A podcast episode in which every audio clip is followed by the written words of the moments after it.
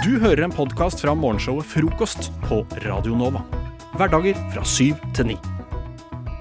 Det er jo sånn at jeg er veldig fan av å få folk til å nynne på ting. Eh, og så spekulerer i hvor gjenkjennelig er egentlig de sangene de nynner på. Eh, og det er dere som er mine prøvekaniner, eh, som skal eh, finne ut av eh, hva slags låter jeg har tatt med i dag. Jeg har også fått folk til å nynne på eh, tre ulike låter, og det er et tema i dag. Temaet i dag det er sanger som ikke høres ut som introlåta til MacGyver, men som får deg til å føle deg litt MacGyver-aktig likevel. Oh, oh, Nå er jeg spent på okay. hvordan det høres ut. Jeg har aldri tenkt den setningen. Jeg har tenkt mange setninger, ass. Jeg har aldri tenkt den setningen. Fy faen, du har tenkt så mange setninger. Ja, jeg har tenkt mange setninger, Ja, det er sykt, ass. Men da gratulerer med det. Ny setning å tenke. Tusen. For det er altså det som er dagens eh, tema. Um, føler dere dere opp for eh, Up for the task, som det heter på godt norsk? Ja. Yes, ja. Det som er irriterende, er at jeg begynner alltid sånn, jeg nynner med, og så sliter jeg alltid med å komme på tittel.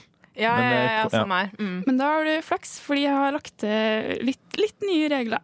Fordi måten dere skal, altså eh, Konseptet er så enkelt som at med en gang dere kjenner igjen låta, så er det førstemann til, å- til å være på ballen og komme med eh, tittelen, gjerne også artist. Men måten jeg vil at dere skal svare på nå, er ved å nettopp synge med til låta. OK. Eh, og hvis dere da kjenner at sånn, ok, jeg vet hvordan låt det er, men jeg kan ikke helt eh, teksten, så får dere bare fake it till you make it. Ja, nettopp, ja. Simlish. Absolutt. Vi kjører i gang med første låt.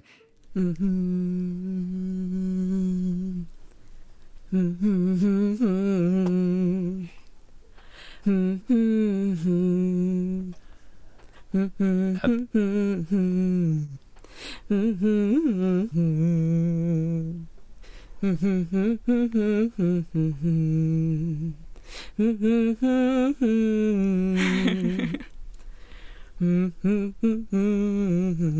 føler at den høres litt ut som flere Eller sånn alle låter.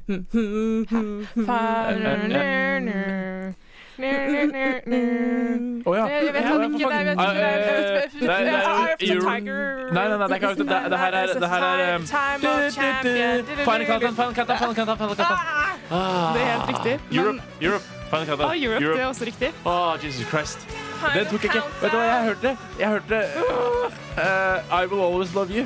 Whitney Ja, Houston. det hørte jeg også. Ja, Åh, ikke sant? Jeg hørte Ikke sant? så mange sanger, og så hørte jeg en annen sang. Mm. Og så tenkte jeg, er det den? Nei, det var ikke helt den.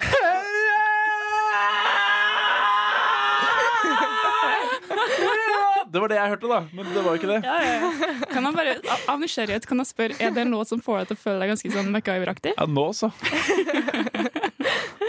Ja, men det er bra jobba. Men det, altså, For jeg har lyst til å gaffateipe kjeften min etter, at jeg gjorde, etter det forrige jeg gjorde det. Derfor. gaffa og strips skal mer trenger man. Ja.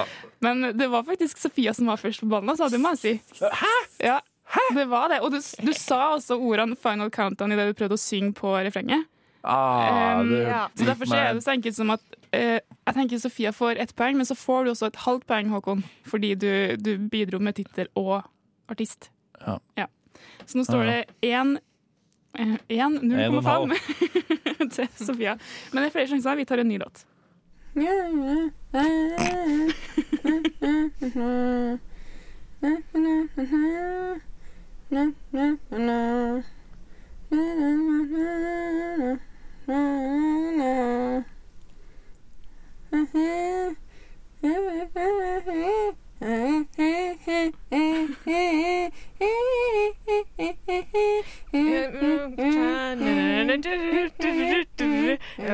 Kung fu fighting. Å, herregud, det er den, da.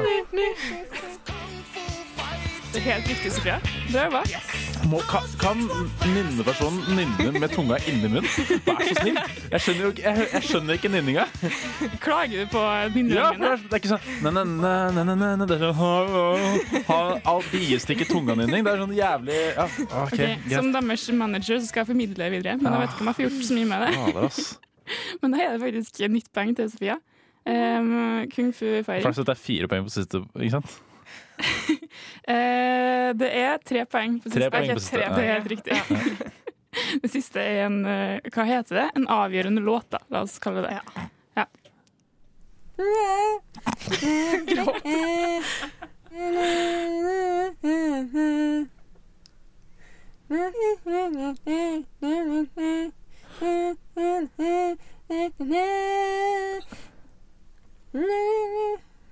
Å,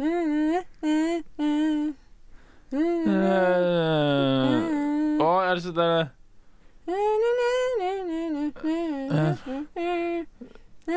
Kom igjen, da! Du har det på tunga. Ja. The thrill of the fight, rising up to the challenge of our rivals. And the last known survivor sucks his prey in the night. Du skulle synge med for å svare. Hyggelig. It's watching us all in the eye. Of the tiger. Ja, det er sterkt levert. Sterkt levert. Ja. Det var, det, det tok, det, du satt med en grimase en stund, Håkon, for å komme på. Ja. Men det kom faen meg til slutt. ja, det kom faen meg til slutt. Det er helt riktig. Eye of the Tiger av Survivor. Og jeg sa jo at det var tre poeng på siste låt. Gjør det tross alt det? Også, Kan vi kan jeg Um, få et halvt et, siden jeg også sang med? du kan få et halvt et fordi du også kom med tittel og sang med. Så da vant jeg med tre og et halvt over tre, da. Ja. Tre og et halvt, tre og et halvt over to og et halvt. Tre og et halvt over Håkon. ja. Gratulerer. Tusen hjertelig. Hey baby, hey, hey beautiful girl. Frokost er best i øret.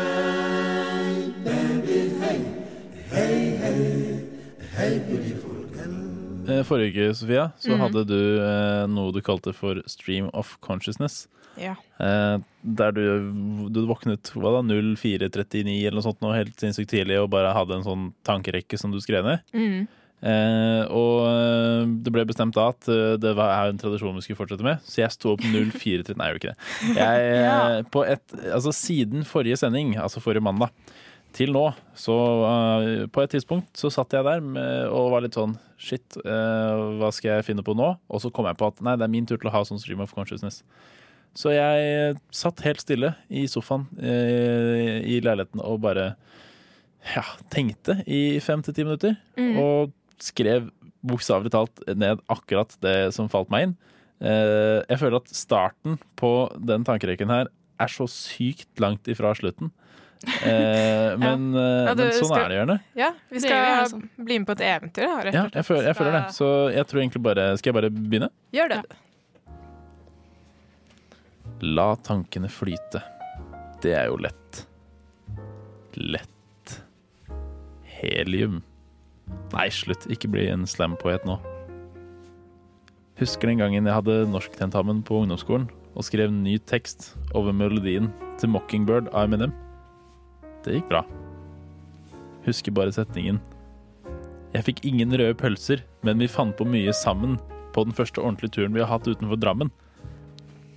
Et eller annet med danmarkstur, jeg husker ikke helt. Shit, det er lenge siden jeg har vært utafor Norge nå, ass. Kan det ha vært sommeren 2018? Jeg tror fader meg det. Hardt å ha Wanderlust når kong Rona holder på. Tviler på at det kommer en vaksine i oktober, sånn som Trump sier. Er nok bare noe han garanterer for å virke som en mann av tiltak før valget. Men han vinner vel allikevel. Min bror Biden representerer ikke en stor nok endring.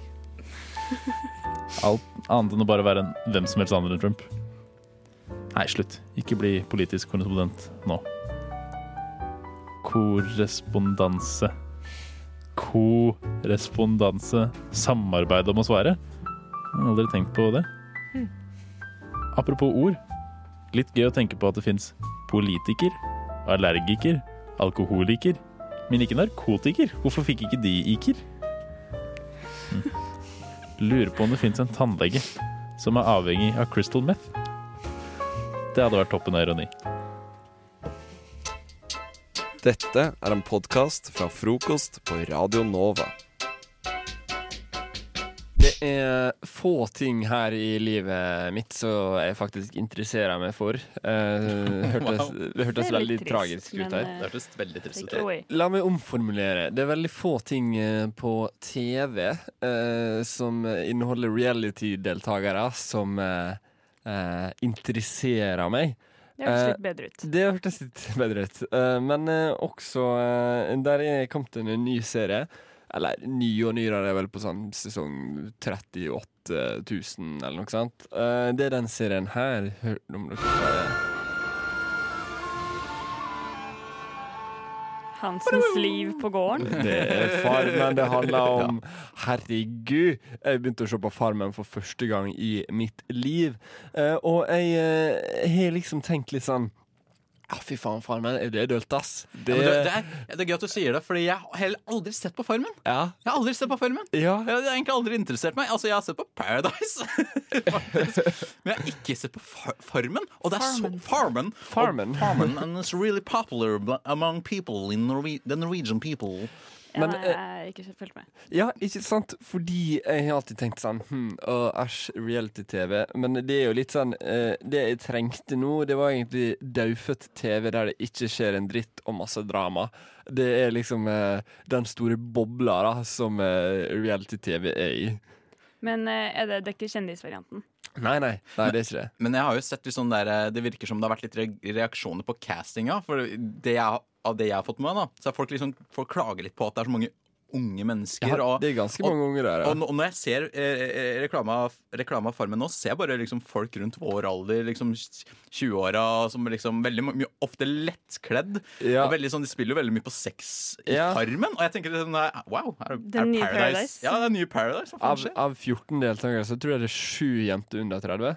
Ja, ikke sant? Uh, og Pene jenter. Uh, Ja, jeg skal ikke kommentere det, men uh, Ja, jeg svarer. Det er jo derfor jeg ser på Farmen. Unnskyld meg. Jeg er ikke redd for å svare på det spørsmålet. Spiller jeg på sex? Å ja, jeg visste ikke det! Oh. Ja, jeg, jeg skjønner hvorfor Jakob ble interessert i år! Er så mange unge damer der. Ja, ja, ja. Nei, men det er også, også fem unge gutter der, da. Ja. Så det, det er ganske mange unge folk, var poenget mitt. Ja. Men eh, av oss tre, hvem hadde klart det best på Formen? Det tror jeg hadde vært meg, ass. Eller du, Sigrid.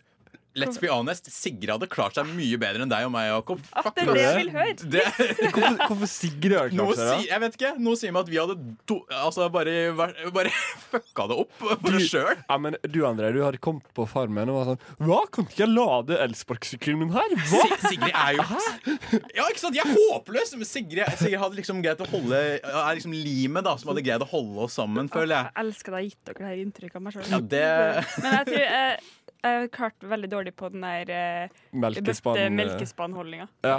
Sånne, Så- sånne hjernedøde Braun-greier som å holde et fuckings melkespann, det kan vi gjøre. Men du kan ta alt som handler om liksom sånn derre Vet du hva? Dere er så dumme! Spille på dumme! Spiller på sex. Men jeg tror også Sigrid er, sånn eh, Så hvis hun ser ei geit, da, uh, og så får hun beskjed at du skal uh, Du skal melke den geita her, så sa hun ja, ja, nei, men greit, da melker jeg den geita, da. Det, det er ikke verre enn det. Mens André har vært litt sånn Men uh, hva uh, uh, Nå skal ikke vi OK, OK, OK. ok, ok, ok, ok Så dum er jeg ikke! Nei, det sa jeg aldri. Så dum er jeg ikke. Jeg vet hvor jur er. Visste du at, uh, visste du at geita jur? Det er eneste, eneste jeg vet. Jeg vet hvor juret er. Ikke kom her. Hør meg til ditt jur. Men OK, timeout. Uh, eh, nå begynner André å lage sånn robotdans her i studio. Det ser ganske jævlig ut. Uh, okay. Det kan hende at det hadde fått den videre i Farmen, da. Ja, det han, oh ja. These moves hadde fått meg videre i Farmen. Ok, Vi, vi må bare kjøre låt til før vi mister André helt. Du hører en podkast fra morgenshow og Frokost mandag til fredag på Radio Nova.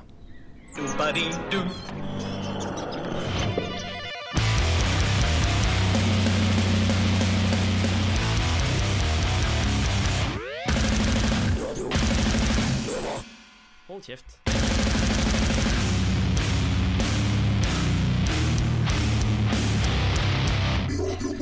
Jakob, du er en jævel. Unnskyld til alle dere der hjemme som nettopp har skrudd på radioen. Å, fy faen. Jeg støtter den der, Nei, jeg altså. støtter ikke. Dette er en av mine favorittjingler her i frokost på Radio Nova. Og Ah, jeg, blir, jeg blir glad i sjela når jeg hører den. Så bra. Har dere spist frokost i dag, mine herrer? Det spiste et halvt eple. Trøka meg i en banan før jeg gikk på lufta. Ja, Mm. ikke sant? Flink. Eh, jeg har ikke spist mer enn et eple i dag. Eh, noen ganger, en sjelden gang, så har jeg tid til å lage meg sånn ordentlig frokost. Ja, sånn ja, deilig, litt sånn kanskje eh, pannekaker eller god havregrøt. Får du tid til å lage pannekaker på Eh, morgenen? Jeg noen ganger Jeg snakker i helga. Og Ja, sånt. da har jeg tid til det. Men da gjør jeg det. Mm, deilig. Kose seg. Ja. Eh, og så har jeg nylig fått en ny boks til å oppbevare mitt havregryn i. Jeg tror du Eh, mente matbokse, så du ble kjempeglad. eh, Akkurat fått meg matboks! Jeg, blir, jeg er en sånn person som blir så gira av matboks også. Men eh, ny metallboks til å oppbevare eh, havregryn i, fra Ja. Møllerens uh, mel. Um, veldig fin. Og så har jeg merka at havregrynene på en måte setter seg litt fast i, i, langs kanten på boksen. Ja. Så har det vært sånn ah, magnetisme! Ha-ha. Artig. Eh, og så uh. I helga så uh, så jeg også, når jeg skulle lage quinoa, at quinoaen satt fast i, i boksen på pappboksen til begynner, nå begynner det å bli ganske interessant på hva du skal Ja. fram til her. Og jeg var sånn Å! Magne... Nei, det er ikke mening, fordi papp er ikke magnetisk. Ikke sant? Og da viser det seg at når jeg den siste måneden har tenkt Ah! Magnetfelt er så spennende! Ja. Eh, når jeg har lagd meg ting med havregryn, at det egentlig bare har bodd en sånn liten larvekoloni. Nei! Nei! Nei! Nei! nei, Hæ? Nei. oppi havregrynet mitt. Og også, eller i hvert fall i kinoen, så fant jeg sikkert sånn fem, seks, sju daue møll. Å nei, så Og- er magnetiske, da? Ja, det går sånn. Eh, larver lager spindel... Larver og møll lager spindel, spindelvevaktige ting. Så det jeg har faen, nei. sett på som eh, Kødder du? Oh, magnet! Har vært uh, spindelvev. Og det, når jeg nå ser høyere på det, så Å, fy faen. Jeg, jeg kjenner jeg oppriktig brekker meg her, liksom. Ja, takk. Fy faen, For jeg spiser jo havregryn ofte. Ja. Og, og, og lignende, holdt jeg på å si. Så nå, nå må, jeg føler jeg at jeg må liksom helle ut alt og bare Ja, det har vært ja, meg. det er jo bare proteiner. da Noen legger jo sikkert til litt ekstra larver oppi. Tenk så mange jeg har spist uten å visst det. Å, det Ja. mye. Men uh, tenk på det her, du, Sigrid. Uh, du, eh, du ser ut som ei som liker å sykle, ikke sant? Ja, innimellom. Du er ikke noe imot å sykle? Jeg er veldig spent på sammenligninga. Uh, fordi du har mest sannsynlig sykla midt på sommeren. Ja. På kvelden. Ja. ja. Og da har du sikkert hatt munnen din åpen. Ja, sikkert innimellom. Jeg har et aktivt valg om å ha munnen åpen når, når jeg sykler. Men eh, da har du sikkert spist ganske mange millioner småkryp eh, når du har gjort det. Ja, men, Å, fy men faen. de er, Det har er ikke ikke liksom havregrynen. De bor ikke Det er ikke mine sånn pets. Eh, De bor ikke Det er inni kjøkkenskapet mitt. Det er verre. Jeg har tilberedt eh, larve med blåbærsyltetøy, liksom, og det syns ikke jeg noe om. Jeg Jeg vet at det er framtidens mat, og alt sånt her, men, eh, men framtiden er ikke nå. Framtida er jeg for deg, Sigrid, så jeg håper du neste gang får sjekke litt ekstra om den larva i, i frokosten.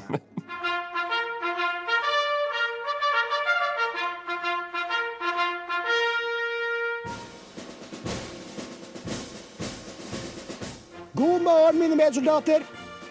Lytt til frokost mellom syv og ni hver dag på Radio Nova.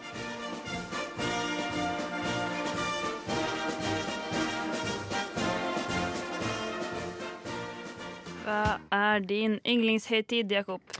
Uh, påske, uh, tror jeg. Feil. Riktig svar er selvfølgelig World College Radio Day. Ah, og denne dagen den finnes det nå på fredag. Ja. Og da går det en stor internasjonal sending fra Italia. Italy. It's Italia. all in English. Uh, og i denne anledning så lagde jeg en reportasje med Ja. min kjære familie. Fordi jeg hadde lyst til å høre litt hvordan studentradiolivet var for dem. Ja. Og ikke bare for meg som sitter her og babler inn i en mikrofon. Ikke sant. Så det er det dere skal få høre nå. Hi, my name is Sigrid. In the past year, I've broadcasted the morning show Frokost or Breakfast in English on Oslo's college radio station Radio Nova every week. I love it, and like most other college radio members, I'm very grateful for all the friends, opportunities it's given me. But recently, I've started realizing another consequence of my amateur radio career, an effect I had not anticipated. This all started when my grandma Snapchatted me. She recently got Snapchat and it's now her main communication platform. She texted, I listened to you on the radio on Tuesday, where I responded, That's nice, what did you think? Okay, period. I think you did good. Your voice use, excellent. Some jiggling, but I guess that fits a youth radio station. And then she sent me a bitmoji of the two of us, giving a thumbs up. This lovely feedback made me wonder how being on the radio affects my relationship with my family, as I assume they're the people that listens to me the most. I asked around on Radio Nova, and it seems I'm not alone. Out of the people you know, who do you think listen to your radio broadcasts the most? My mom, definitely. No, no, no way of coming without. It, it's my mother. Oh, my grandma. Probably my father. Do you think your uh, relationship with your grandma is closer because she listens to you on the radio? I think she thinks that I'm more important than I really am. That I know stuff that I don't know, uh, and that's fine. Yeah, I think I think we're closer now. I speak more to her than before, perhaps. Not everyone agrees, though. Do you think your relationship with your father is closer because he listens to you on the radio? No. I called up my parents to ask them what they thought. Hallo! Hei, du. Hei, går det bra? Hei. Det går veldig bra. Are you comfortable with taking this in English? Yes, um, okay. I'm not too comfortable, you know. But I, we could uh, go on. I think you're doing great. How often do you listen to me on the radio? I try to listen to uh, Radio Nova every week, every morning, and you're on. It's uh, quite good quality, yeah. Our local fo- local radio station in Trondheim, it's much worse when it's coming to talking. Okay. It's nice to hear. How do you think listening to me on Radio Nova affects our relationship? I think it's um, somehow getting us closer because you, uh, a lot of your talking in the ra- radio is about uh, what you are engaged in.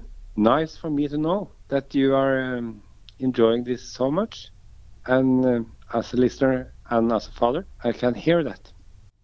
The best part about your parents not having high expectations for you is that they get impressed when you get up in the morning. I know where you are. When I uh, listen to you on the radio, I know, oh, she's in the studio. That's good.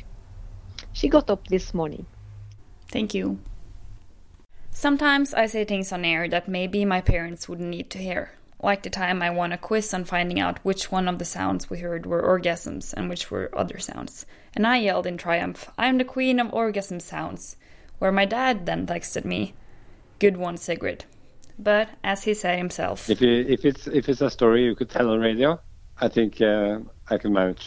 since I do not call that often, does it help that I'm on the radio? Yeah, it does. That's very nice. I then called my grandma. Hallo, hallo. Grandma didn't want to talk English. Det virker som et friskt program. But she told me our radio show was, quote, fresh, and that she listened as often as she could. For eksempel eh, en ting som jeg tenkte på en dag jeg hørte på dere, så tenkte jeg She also thinks that we could work on getting college radio more suited for older people, for example, by talking more about recipes and food. This again reminded her about a story from when she went to visit her Aunt Molly when she was young. Tante Molly i Sandefjord. Where the moral was to make sure I ate enough. Ja, det tror jeg er bare positivt. Grandma concludes by saying that she talks to me more and thinks about me more now that she tunes in to listen. I think my conclusion would have to be that joining a college radio station is not only for those who likes talking, drinking beer, and having fun. It's also the perfect spot for the ones who feel bad for not calling or keeping in touch with their families enough. This way, it's now their responsibility to listen to you. But I warn you, they might hear things they're not supposed to hear. Good luck. Sincerely, Sigrid, Queen of Orgasm Sounds. Oh, hi, Dad. Du hører Hører en podkast. Podkast med frokost. Frokost på Radio Nova. Radio Nova i verdensrommet Ver- Verdensrommet? Vi har jo ja, noe som heter Ukas utfordring, hvor eh, vi utfordrer hverandre. Og så er det en eh, som taper, og taperen den får straff. Og for noen uker siden så eh, dystet dere to, Kristian og Lisa. Og det endte med at du, Kristian, du tapte. Jepp. Det, det er vondt, i hvert fall når eh, vi har blitt enige på forhånd at straffen ikke skal være noe så veldig slem. Og straffen jeg da får, er du må gå julebukk i da september. Og det er jo en veldig slem straff. Uh, og så begynner, så begynner Ane å si sånn Ja, du kan jo bare uh, gå i nabolaget ditt. Så, nei, du kan gå i oppgangen din. Nei, du kan gå rundt i kollektivet ditt. Og da ble jeg sånn Nei, vet du hva? Jeg gjør det på min helt egen måte. Så her får dere Christian straffes julebok i september. Ho, ho, ho, nydelig jul i september. Grunnen til at jeg ønsker deg en god jul nå i september, det er fordi jeg fikk en utfordring av Ane og Lisa. Men dette er utfordringa fra Ane, som skulle være mild, god, hyggelig. Og det var god julebukk i september. Og det er ikke jeg så veldig happy for. Så det du får, det er mitt bidrag til julebukk i september.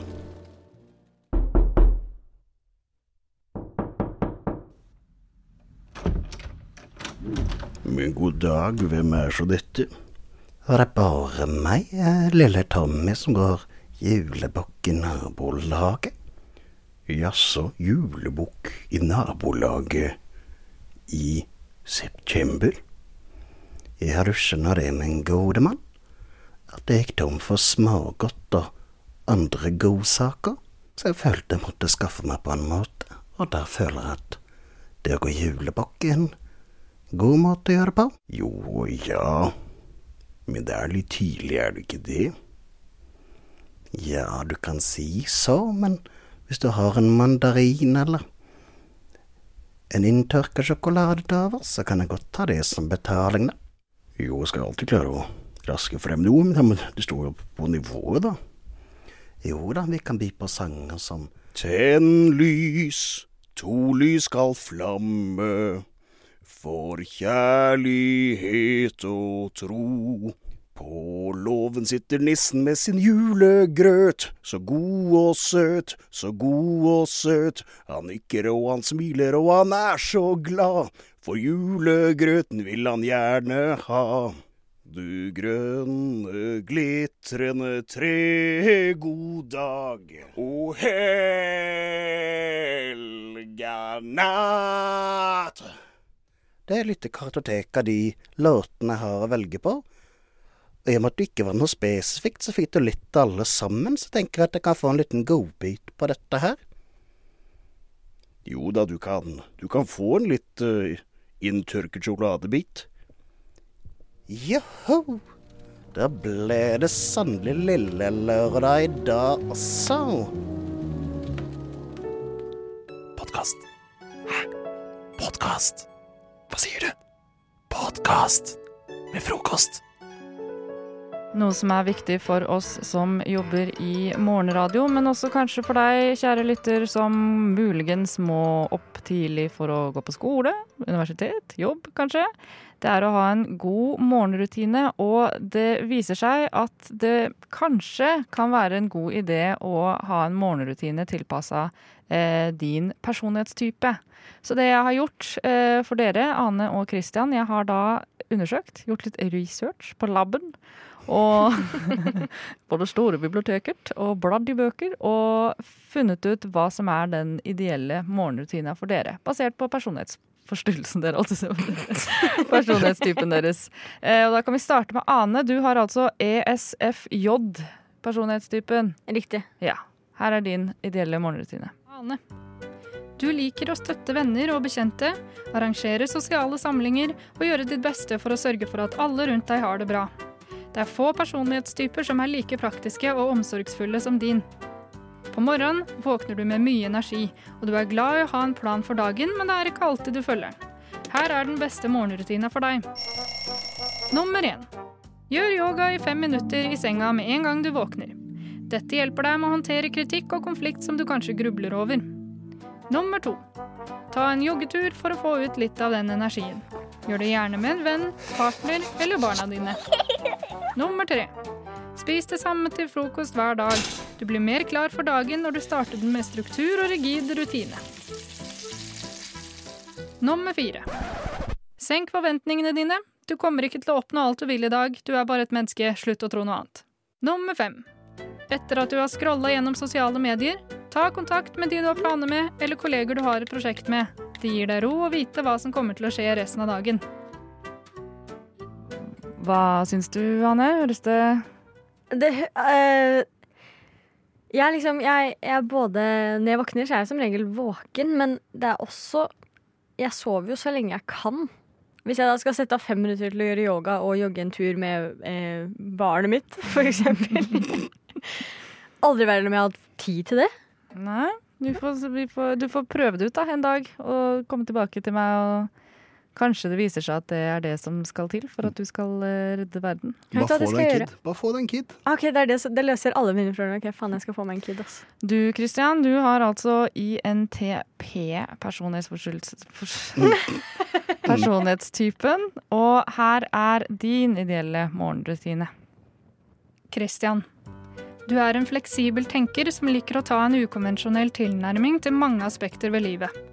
INTP-er pleier å være nattugler som bruker lang tid på morgenen. Hvis du kunne, hadde du ligget i senga og sett på memes helt til seint på ettermiddagen.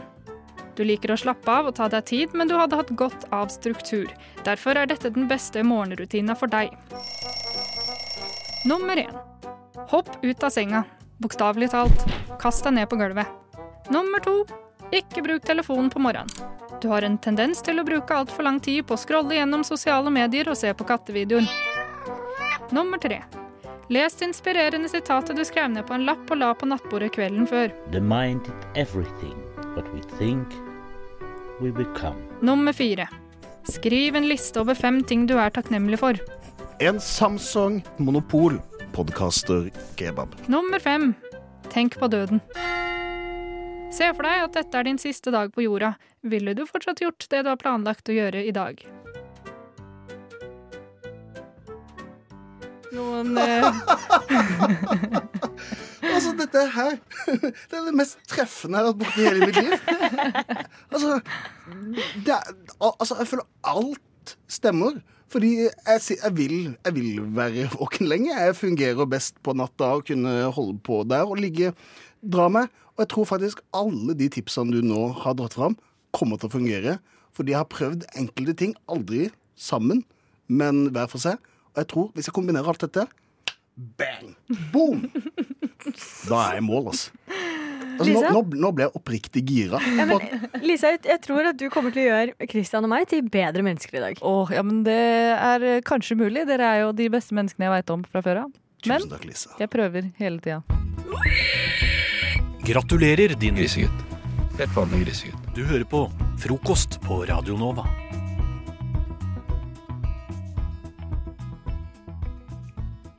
Det hele begynte på lørdag. Det var gøy, det som skulle skje. Jeg skulle i bursdag til min beste kamerat. Dagen var lagt. Klokka tolv skulle vi da i badstue på Kok sitte der i to timer og hygge oss. Vi hadde med øl, og stemninga var veldig, veldig god. Det er ikke noe, det er ikke noe å si på det. Altså, Jeg anbefaler absolutt alle å stikke og drikke øl med venner på Kok.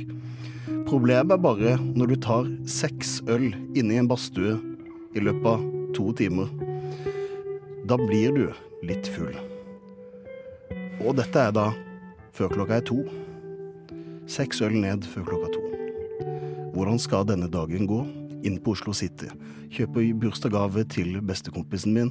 Jeg husker at jeg står der og svirrer litt rundt. Inn på Vinmonopolet, kjøper alkohol. Tenker har jeg kjøpt alkohol nå? Jeg vet ikke. Ja, men jeg har det gøy. Jeg har det gøy. Jeg drar øh, hjem. Så må dusje av meg saltvannet øh, for å kunne dra i bursdag igjen klokka fire.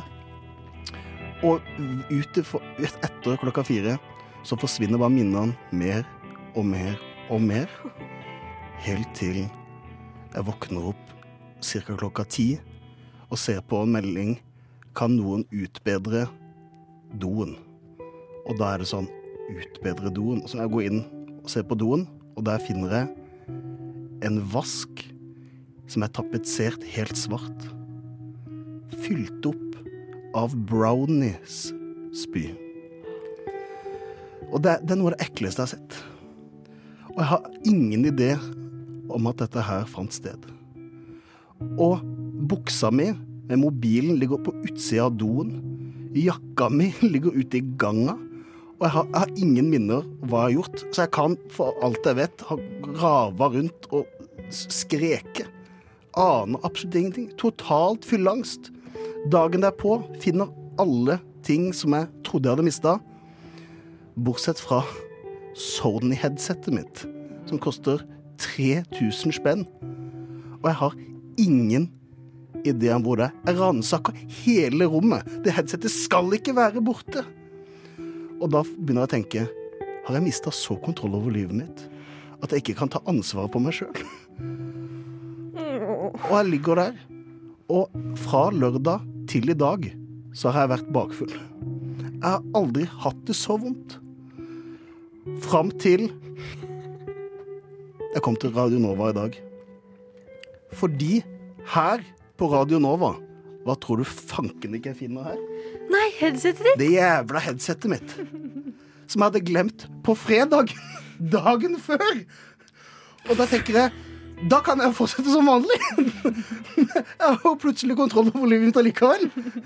Det er en gladsak, det Det er jo blitt en Selv om det er jo ikke en gladsak, for jeg har hatt det utrolig vondt i, i, eh, i, i mange dager nå. Altså hele sø... Altså etter jeg vaska spy, så våkna jeg klokka 18.00. Uh, og jeg har hatt det vondt siden, så jeg skal, jeg skal ikke drikke alkohol igjen før halloween, har jeg funnet ut av. Tidligst. Såpass. Ja, altså, tanken på alkohol gjør meg kvalm. Men det er jo litt Det er for så vidt greit, kanskje? Man sp du sparer ganske mye penger da Ja, ja. på å ikke drikke så mye Eh, pils. Det, det, det er økonomisk og helsemessig. For magen min er ikke på plass ennå. Men Christian, jeg tror, jeg tror dette er eh, kroppen din som sier 'give me a break'. Nei, nei. Det er bare å fortsette. Lisa, du Av er erfaring, av erfaring, mye bedre å kjøre på på nytt neste helg. Uff a meg. Nei! Men Mener du det, Lisa? Det kommer nok til å skje. Skal vi invitere Kristian på fyllekull i helga? Jegerfylla. Det har vi snakket om lenge. Kall deg Kristian. Nei.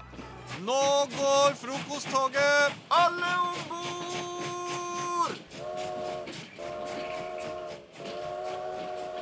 Er dere glad i gameshows, dere, eller? Ja da. Syns det er helfrekt, det. Helt frekt med gameshow. Så bra. For jeg har nå tenkt å ta dere med på en liten eh, gameshow-reise. OK. Leken Eller, nei, det er ikke noe lek, det her. Det er blodig alvor. Går ut på å svare feil. Gameshow kalles Hva er det ikke? Mhm. Som vil si at eh, jeg kommer til å stille dere et spørsmål annenhver gang. Så jeg kommer til å spørre deg, Christian, og så skal du svare feil. Og så kommer jeg til å spørre deg, Hedda, og så må du svare feil. Ja. Svarer dere riktig på spørsmålet, Da blir det ikke poeng. da blir det ikke poeng. Svarer dere helt feil, Ja, da blir det ikke poeng. da blir det heller ikke poeng. Så den var vel feil, men ikke så feil. Den var feil, men ikke så feil. Hvilken farge var den blå bilen? Agurk! Nei, det er ikke poeng! Det er ikke poeng. Men Rød? der er det poeng, vet du! Ja, ja, ja, ja, ja. Og hvis du hadde sagt blå, så hadde det selvfølgelig ikke poeng, for det hadde vært riktig. Det går ikke.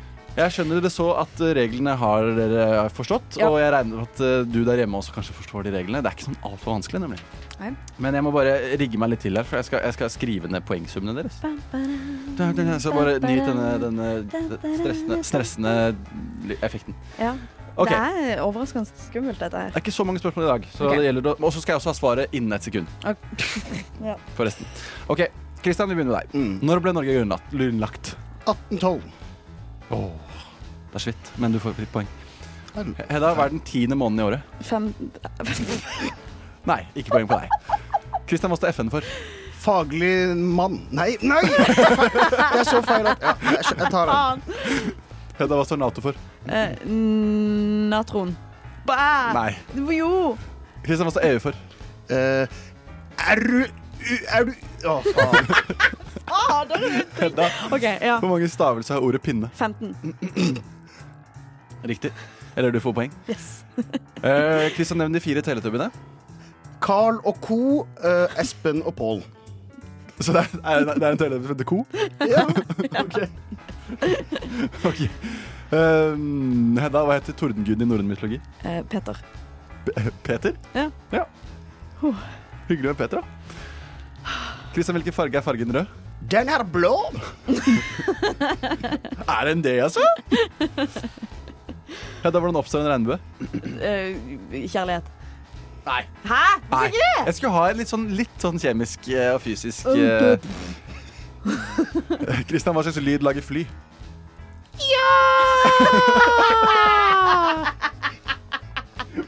Poeng til Kristian. Hedda, hva slags lyd lager promp? Oi, oi, oi! Oi, oi, oi! Ok, du? Kristian, hvordan sier man hei på det norske språk? Kan du gå bort? Og Hedda, hvordan sier man ha det på norsk språk? Drittsekk. Vet ikke. Det er jo på mange måter en avskjed. Ja, Ja, du, får, nei, du, du, får, hæ? du får ikke poeng for det. Jesus Christ. Kristian, fem poeng. Oi, jeg vet ikke om det er bra. Hedda, Ja. skal du gjette? To. Tre. Ah! Fucking yeah! Satan, jeg er så dårlig på dette. Jeg klarer ikke å tenke fort. Ah! Jeg skulle Hvordan klart denne EU-greia. Hvordan, den som hvordan var det promp? Altså, lyd bare det promp. Oi, oi, oi. oi. Og fly. Ja, så da vet dere det der, der hjemme, at det er sånn promp og fly sitt. Kristian sikrer altså av med dagens eh, seier. Oi, følg med neste torsdag for en ny runde av Hva er det ikke? Frokost. Best i øret. Er dere glad i musikk, eller, Hedda Kristian? Elsker musikk. Har hørt på det før. Hørt på det før. Ja. Hørt på musikk før i mitt liv. Ja, har det. Men uh, har dere hørt uh, at låter har blitt covra og sånn?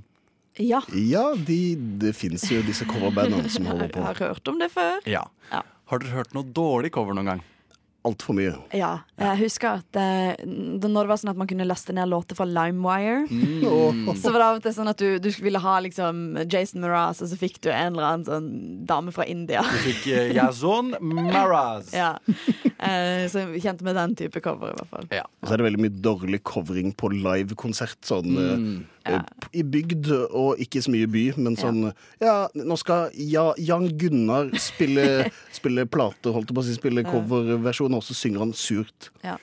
Jeg har, vært, jeg har vært på YouTube og funnet noe eh, Ja, noe sånn halvveis gode, halvveis dårlige covere. Å, så gøy. Eh, både litt sånn alternativt og noe som rett og slett bare er dårlig. Eh, deres oppgave i dag Dere skal få fem Altså Jeg skal spille av en og en eh, låt. eh, når dere hører Når dere hører hvilken låt Når dere hører hvilken låt dette er, så skal dere rope ut fornavnet deres. Og så skal dere si hva en låta heter. Klarer dere det ikke, eller sier dere feil, så går eh, altså, turen til nestemann. Og, og så fortsetter det sånn. Ja. Vil jeg si at hvis jeg roper ut mine eh, fem første bokstaver, så er det kvalifisert som Kristi... Kristi for hun har jo Hedda. Det er mye kortere enn mitt navn. Ja, det, det er den som begynner på navnet sitt først. Ja. Ikke hvem som blir ferdig først, for da må du si Kristian. Og det orker jeg ikke. Jeg vil heller at uh, Ja, ja ok. Vi begynner med låt nummer én. Hvilken låt er dette?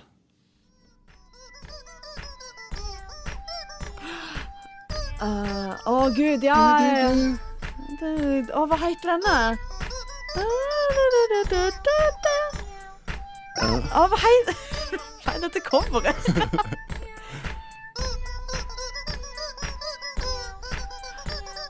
Å, jeg kan jo det. Jo, Hedda, Hedda, Hedda! Despacito! Ja! Det er riktig. Den låta hater jeg, altså. Det er var altså et cover av en som hadde spilt på piano med en sånn mjauepiano. Og brukt en sånn kylling Ja, som man jeg syns jeg hørte kyllingen, i hvert fall. Ja. Så det var altså Despacito. Så po godt. poeng til Hedda. Låt nummer to. Eh, Christian, 'Shape of You'. Ja, Kan vi bare høre på den her?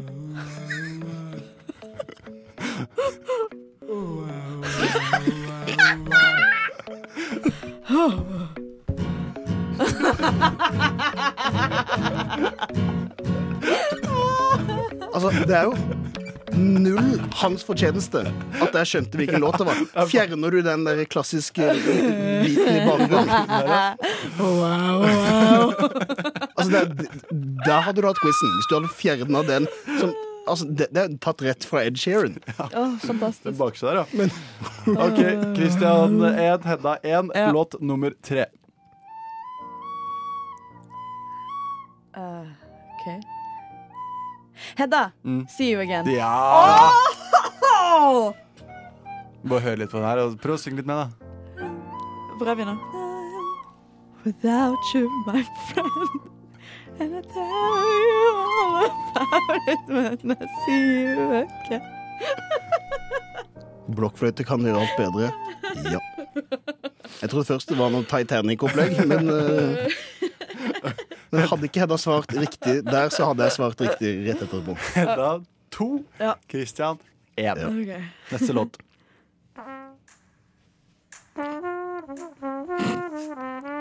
Hedda! Oh. Uptown Funk! Det er Ja! Det vil altså si Tre poeng til Hedda.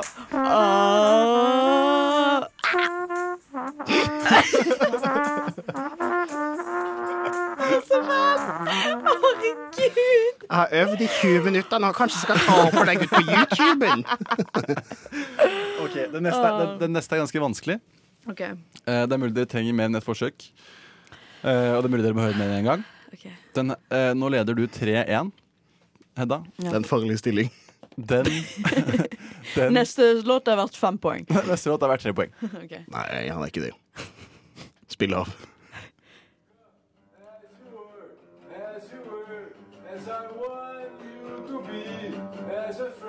Er det fattern? Både kortepill og baby.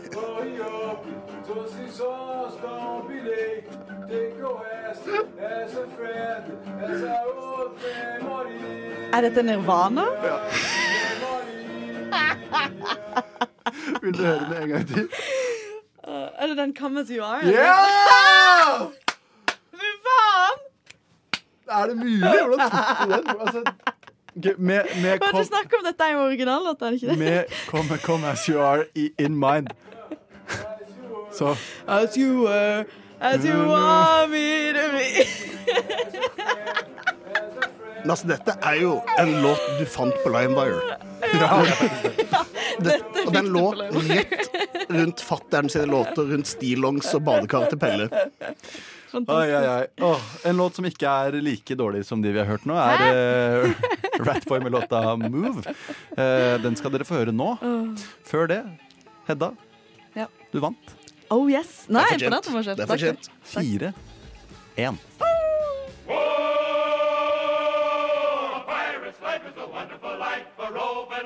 Du hører en podkast fra morgenshow og Frokost mandag til fredag på Radio Nova.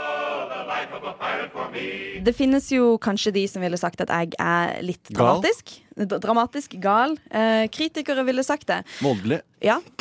Men når det kommer til den dramatiske og i hvert fall sinnssyke delen av meg, så begynte jeg virkelig å forstå hvor ille det var eh, i natt. Fordi på mandag så hadde jeg et mareritt som involverte min bror og min mor. Eh, og det eneste jeg kunne gjøre for å på en måte takle det marerittet, var å lage en seks minutter lang dokumentar. Eller true crime. Jeg vet ikke. Jeg har lagd Snakker den bedre for, enn for seg selv? Ja, Ja, men jeg må bare beklage. jeg er så flau, for jeg har ikke hørt på han siden jeg lagde den klokka fire i natt. eh, Og jeg vet Vi ikke. spiller den av, vi. Okay. Vi spiller den av. Kristian, er du klar for det her? Å, Jeg håper det. Ja. Jeg gruer meg så sykt.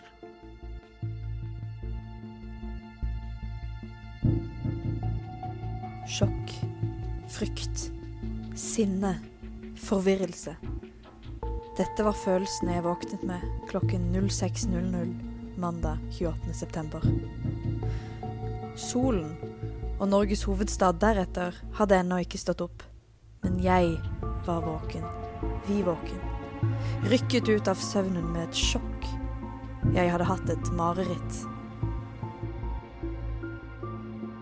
Det hele begynner med at jeg er på stranden.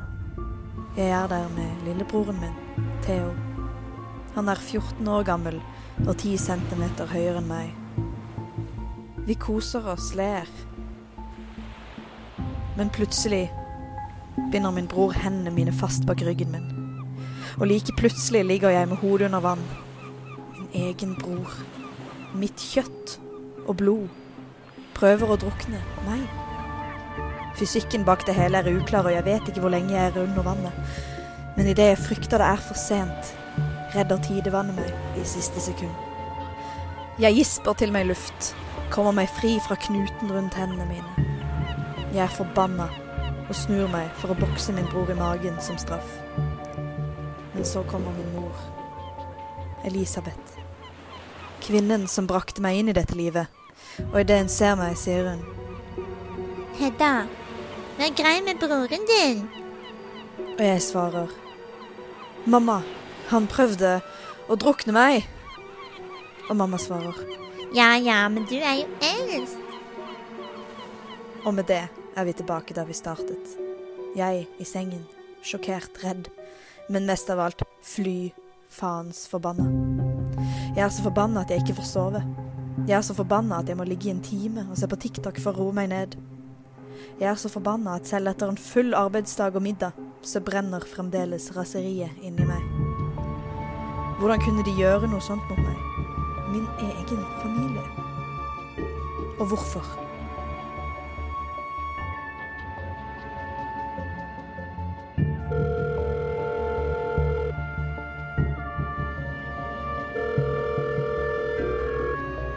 Hallo?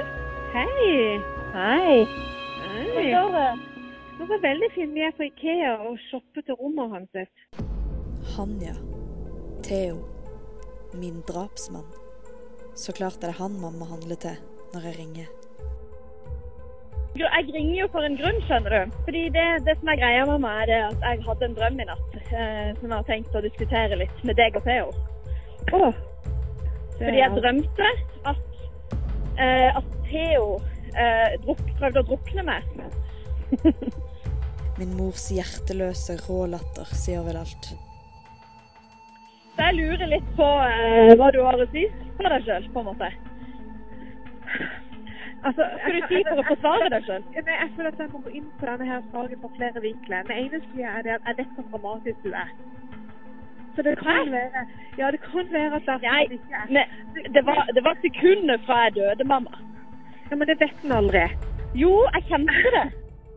Fra mamma er det åpenbart ingen hjelp å få.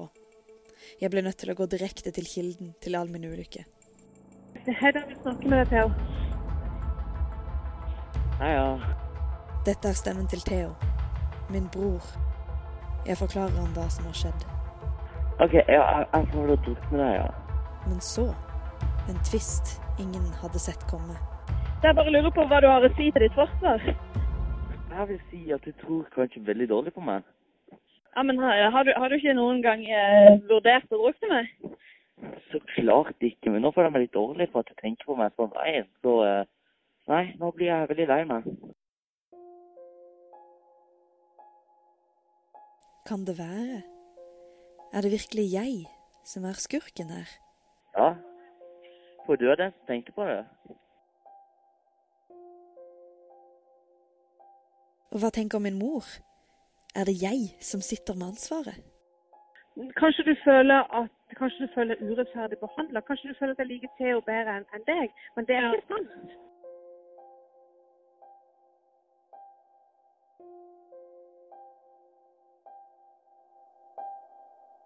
Nei. Så klart er det ikke jeg som er skurken. Dette er nok en taktikk fra min bror og min mor for å manipulere meg. Nå er det bare én ting som kan fikse familierelasjonen før alt faller i grus. Tilgivelse.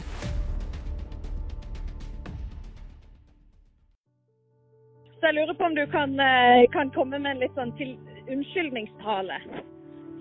Så jeg kan i hvert fall si det at Nei, jeg kan jo ikke be om unnskyldning for en drøm Jo. du har hatt. Det, jo, jo, okay. det synes jeg.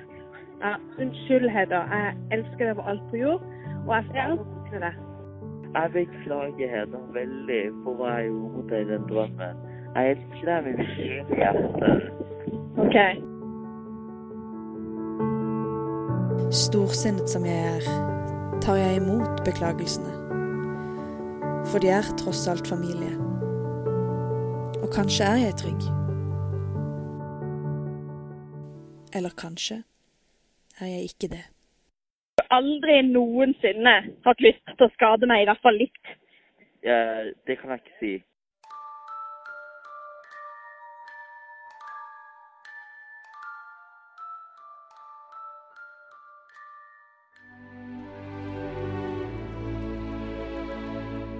Mine herrer, vi stanser ikke før det blir natt. Hva med frokosten? Dere har allerede spist den. Vi har hatt én, ja. Men hva med den andre frokosten? Jeg tror ikke han kjenner til den andre frokosten, Pip. Hæ? Hva med formiddagsmat, lunsj, ettermiddagsmat, middag og kveldsmat? Han kjenner til de, gjør ikke det? Jeg vil ikke regne med det. Han har nok bare hørt om frokost på Radio Nova. Pippin!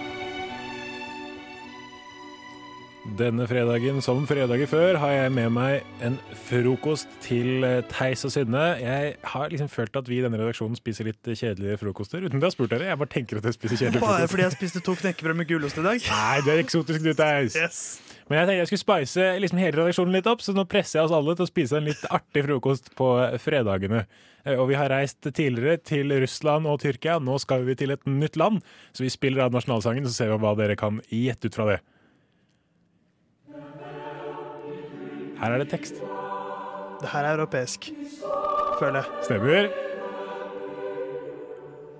Synne, har du noe? Er det noe bavarisk over dette språket? Kan det være Østerrike? Oh, men det er, det er germansk, tenker jeg. Sveits? Er ikke, ikke Sveits. Vi skal nemlig til landet med de hvite, hvite strender og det flate, flate land. Dette er nemlig Denmark. Denmark. Er dette Danmark. dansk? Dette er dansk. Det er det vikingene også sa da de kom til Er dette? Danmark, altså. Vårt kjære nesten naboland. Dette er landet der eh, barna lærer senest å prate, der den høyeste toppen er 170 meter.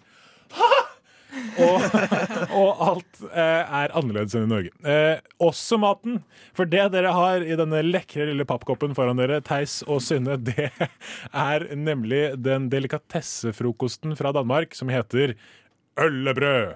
Øllebrød. Øllebrød. Øllebrød. Og øllebrød er en såpass kjent uh, rett at den har fått sin egen sang fra et norsk band med Nora Brokstedt. Band er det, En kvintett med Nora Brokstedt fra 50-tallet. Hvis du kan spille av filen, Theis.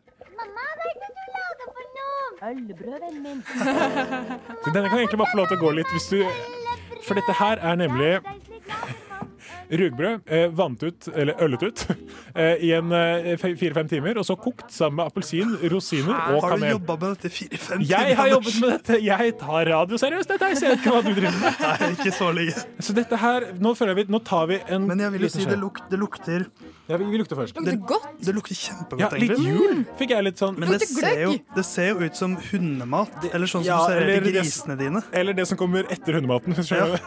For det er, jo, det er jo en brun gugge. Ja. Brun. Men det er lapskaus òg, og det er godt. Det er det. Så, så få med litt rosiner og litt krydder. Ja, for det er litt sånn jul. Og så så tar vi en skje. Ta med en sleiv, jeg.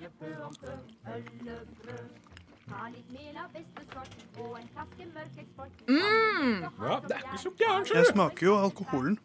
Ja. Men jeg syns ikke det var så godt. Nei, i hvert fall. helt ærlig. Jo, men det skal ikke være altså, Synne ser helt smaker- rustet ut, og at jeg ikke syns det var godt. Men du smaker ølet, men det, er ikke så, mye- det skal jo ikke være noe alkohol. Det skal jo egentlig ikke være noe alkohol Jeg oppi her nå. smak, nei, nei, men, men, men smaken av øl er der. Og rosinen er god. Det er, det er jo Rosinen er god. Det er jo Ok, rosinen er god. Ja, jeg bare det er, jeg, det er noe med låta som er sånn gammel Disney-film-vibe Ja, men det er det. Den er fra 1952. Men, eh, men så dette her, og den, jeg kan fortelle litt, bitte litt om retten nå. Den, man antar at den kommer, den er 800 år gammel rett. Oh. Eh, ja, ja, Det er fra middelalderen, og måten man fant på, eh, tror man, er at man hadde jo en sånn stor kjele i alle sånne middelalderhjem som sto og putra, der du slang oppi restene dine. Eh, Så man slo jo gammelt øl og sånn oppi den gryta, og så kasta du gammelt brød oppi også. Så tenkte de nei, faen, skal vi bare prøve å smake? Eh, Det er som man tror man kom på akkurat øllebrød. Men tau, men, men hever. Men tau, men hever, så kast med den. Jeg må si Det er kanskje jeg som likte dette minst. men jeg, jeg syns det bare jeg- ble for Det ble ikke- kanskje litt for kraftig smak for en morgenfrokost for meg. Jeg likte det ikke i går. Da var jeg liksom Hva er det jeg har holdt på med i fire timer? Den har bare godgjort seg, godgjort seg Ja. litt. Kanskje fått fermentert så vi har fått tilbake noe av alkoholen, eller? Men de er det lov å håpe på? Men de sier at det er Og det står, Hvis du googler ølbrød, så står det en klassisk elsk-hat-rett. Og det er en greie I Danmark sånn også, så er det folk som elsker det. Og, skal, og dette serverer de på sånne luksusrestauranter også. Altså. Eh, og folk som bare ikke klarer det. Så det er en sånn elsk-hat-variant. Jeg føler at vi er på én elsk, én hat og én ja. Akkurat som Danmark. Litt elsking, litt hating og litt Hva hadde skjedd om The Big Bang var det Small Bang? Hva om Tyskland hadde vunnet andre verdenskrig? Hva om Legoland hadde vunnet første verdenskrig? Hva om Norge hadde sagt tja til EU? Hva om historien ble skrevet av taperne? Det kom et romskip til Bjørgvin i 1349. Kontrafaktisk. Kontrafaktisk historiefortelling dreier seg om å se på historiske hendelser og si vet du hva sånn det skjedde? Og denne uken så skal vi tilbake til eh, Egypt. Vi er på tidlig 1900-tall. Arkeologene har eh, nådd Egypt og begynner å dykke ned under pyramider osv. Og, og eh, de to arkeologene her, Anders og Synne, de finner to forskjellige ting i to ulike universer. Ja, Anders, kanskje vi skal begynne med deg. Du fikk en vanskelig oppgave. Du, i, i, din, eh, I din verden av, eh, av Egypt så dukker du ned under Keops-pyramiden, den største av pyramidene, og finner Kurt Nilsens album 'Have Yourself a Merry Little Christmas' i 1920. Hvordan er det mulig? Det er, får vi kanskje svaret på nå. 18. august 1920. Herr Magelsrud! Stemmen kom høyt og skingrende fra dypt inne i pyramiden. Jeg pustet tungt. I fem dager hadde vi vandret i Keops-pyramiden uten mat og vann, og uten særlig mange nye resultater å vise til. Undersøkelsesfølget fulgte stemmen inn til den unge arkeologstudenten som sto inne i et rom med mugg på vegger og tak. På gulvet lå et flatt kvadrat. Jeg plukket opp og børstet av støvet, som lå tjukt på utsiden. Jeg gispet. På forsiden så jeg et avtrykk av det som bare kunne være en liten mann med hatt og dress. Han satt ved det som bare kan ha vært et piano. Under bildet sto det med umiskjennelige bokstaver Have yourself a merry little Ved nærmere ettersyn så vi at veggene var dekket av hieroglyfer. Med den nye tolkningstabellen vi hadde fått fra London, kunne vi lese linjer som 'Hun er så høy' og 'Himmel på jord'. Men hva betydde det? En av studentene studerte én linje ekstra nøye. Hva har du funnet der? spurte jeg. Ser ut som setningen 'Du ser ut som en hobbit', svarte studenten etterstenksomt. Men hva er en hobbit, herr Magelsrud? Jeg vet ikke, sa jeg. Men du får tenke mer på dette når vi kommer ut herfra, herr Tolkien. Den twisten. Bra. Åh, det er, ja, frister. Herr Magelsrud, ass. Du ble jo kalt herr Magelsrud av din arbeidsgiver. Theis. Det stemmer. Um, Synne, Ja. dette er jo en virkelighet. Det er Men en det fins mange virkeligheter, blant annet en hvor uh, du var med. Hvor man fant en sarkofag i Max Mekker-form Ja, under Keops-pyramiden. Og da lurer jeg på, kan du gi oss hele sanninga? Pyramidene hadde gitt oss de mest utrolige funn. Vi hadde gravd og hakka og klatra og ståka på, og, dette, og på dette punktet var vi sikre på at alt som var å finne, var funnet. Kollegaene mine hadde reist hjem for lengst, men jeg ville bli i Egypt for å ta innover meg suksessen vi hadde opplevd. En kveld, etter både whiskydrikking og vriotespilling, skjedde det noe rart. Psst, hørte jeg, så fort jeg hadde lagt meg aleine i senga mi. Jeg ble redd, og det skjedde igjen. Men det var jo ingen i rommet. Du, hørte jeg igjen.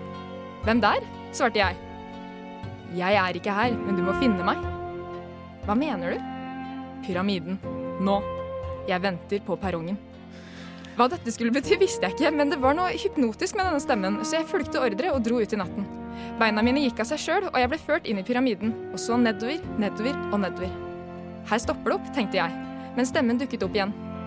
Legg hånden på veggen, sa han, så jeg gjorde det. En dør av stein åpenbarte seg, og der inne sto det en stor, blå sarkofag. Jeg kunne ikke kontrollere meg sjøl, så jeg åpna den opp. Ut raste det kilo på kilo med sesamfrø, før jeg ble sugd inn i kista, satt på et tog og dukket opp et helt annet sted. Jeg var nå i en slags svett drakt omgitt av lodne vesener. Hvor er jeg? utbrøt jeg.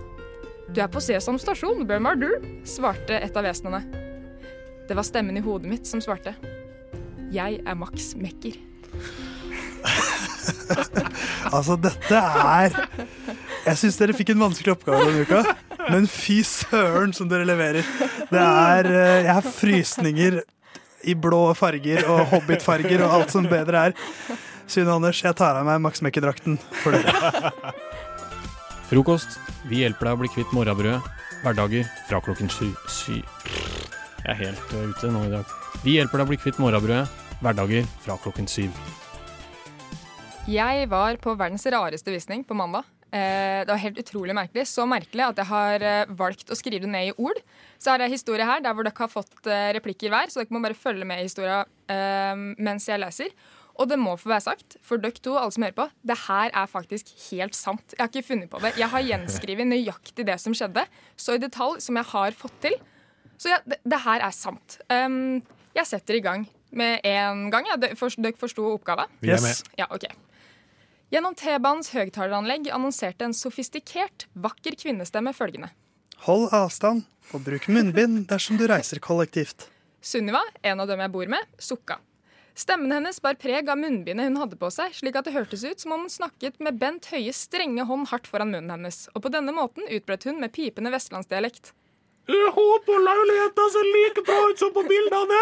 Hvis ikke blir det galen, altså! Vi ankom Vollbekk stasjon, og en liten stund seinere sto vi på riktig adresse. Området så veldig hyggelig ut, og jeg kunne høre små, lyse, lekende barnestemmer i distansen. Truls, spill ballen hit! Nei, du suger! Morda, mora di er mann! Ah, for en idyll. Jeg dro opp telefonen for å ringe utleieren og si at vi sto utafor, men overraskende nok så ble jeg møtt med kun rytmiske ventepip. Etter noen minutter prøvde jeg nok en gang, så igjen en liten stund etter det, men ved hvert forsøk hørte jeg bare Pip, pip, pip.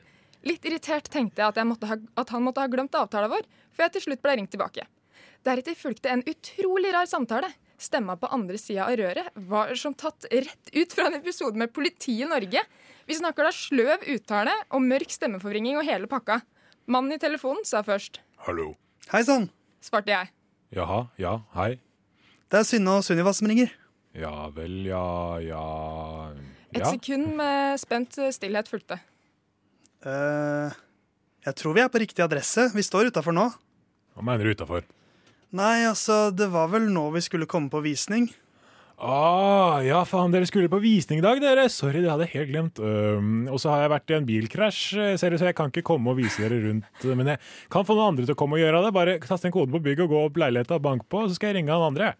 Etter endt samtale så jeg først storøgd på Sunniva før jeg måtte bryte ut i latter. Hva i alle dager var det der? Sa jeg, før vi skeptisk gikk inn døra og opp trappene til riktig leilighet. Bank, bank, bank. Igjen sto vi lenge og venta før noe skjedde. Men med en brå bevegelse åpna plutselig døra seg, og foran oss sto en barbeint tenåring i badeshorts. Gutten sa ikke et eneste ord, men vinka oss inn i gangen og forsvant deretter raskt inn ei anna dør. Den neste lyden vi hørte, var et høyt og brusende OK, han måtte visst på do. Ellers var det folketomt i leiligheta, ingen lys var på, lufta var tjukk og lukta rart, mens gulvet hadde behov for en vask eller tre. Jeg og Sunniva veksla ikke et eneste ord før gutten kom ut igjen, og jeg av en eller annen grunn valgte å hviske til beboeren. Er det greit at vi ser oss rundt?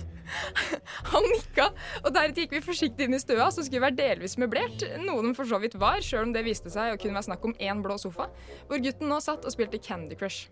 Jeg og Sunniva fortsatte å labbe vilkårlig rundt i rommet, før jeg til slutt trakk pusten og spurte litt nervøst, men nå med normalt volum.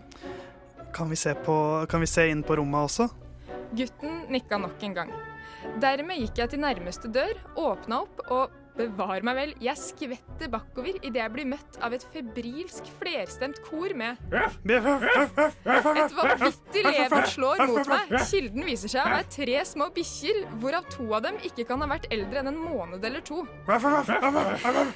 Jeg innser fort at kreka er ufarlige, eh, ergo blir jeg varm om hjertet og bøyer meg ned samtidig som Sunniva utbryter sukkersøtt. Å, så søte! Men idet jeg strekker ut hånda og en av valpene forsiktig kommer bort for å hilse, står plutselig gutten rett over skuldra mi. Han skubber nurket bort før han bestemt sier følgende uten å mestre uttala av bokstaven R. Nei, ikke hoppe! Ikke bra! Hun være snill! Be nice! Klore! Nei! Ålreit! Omsider fikk vi sett på alle de fire slitne soverommene, og konklusjonen blei at vi var veldig gira på å komme oss vekk derifra. Men hadde ikke fyren på telefonen sagt noe om at det skulle komme noen og vise oss rundt? Sunniva, den kloke vestlendingen, vestlendingen, sa at Men kan du bare ringe og spørre? Så jeg gjorde nettopp det. Hei, du, det er Synne igjen. Var det slik at eh, det skulle komme noen for å informere og vise oss litt rundt? Og jeg kødder ikke. Det her var måten Politiet Norge-utleieren valgte å svare på. Å nei, herregud, da har jeg ikke vært tydelig nok. Har ikke han som har gjort det? Faen, jeg ringte og sa det til han, men gutten skjønner jo ingenting! Den oppskaka mannen fortsatte å snakke i vei. Og så kan jeg forresten få møblert noe greier fra Ikea og gamlehuset til noen kompiser om du absolutt må til for at Jeg avbrøt med Nei da, takk for titten. Ha det bra!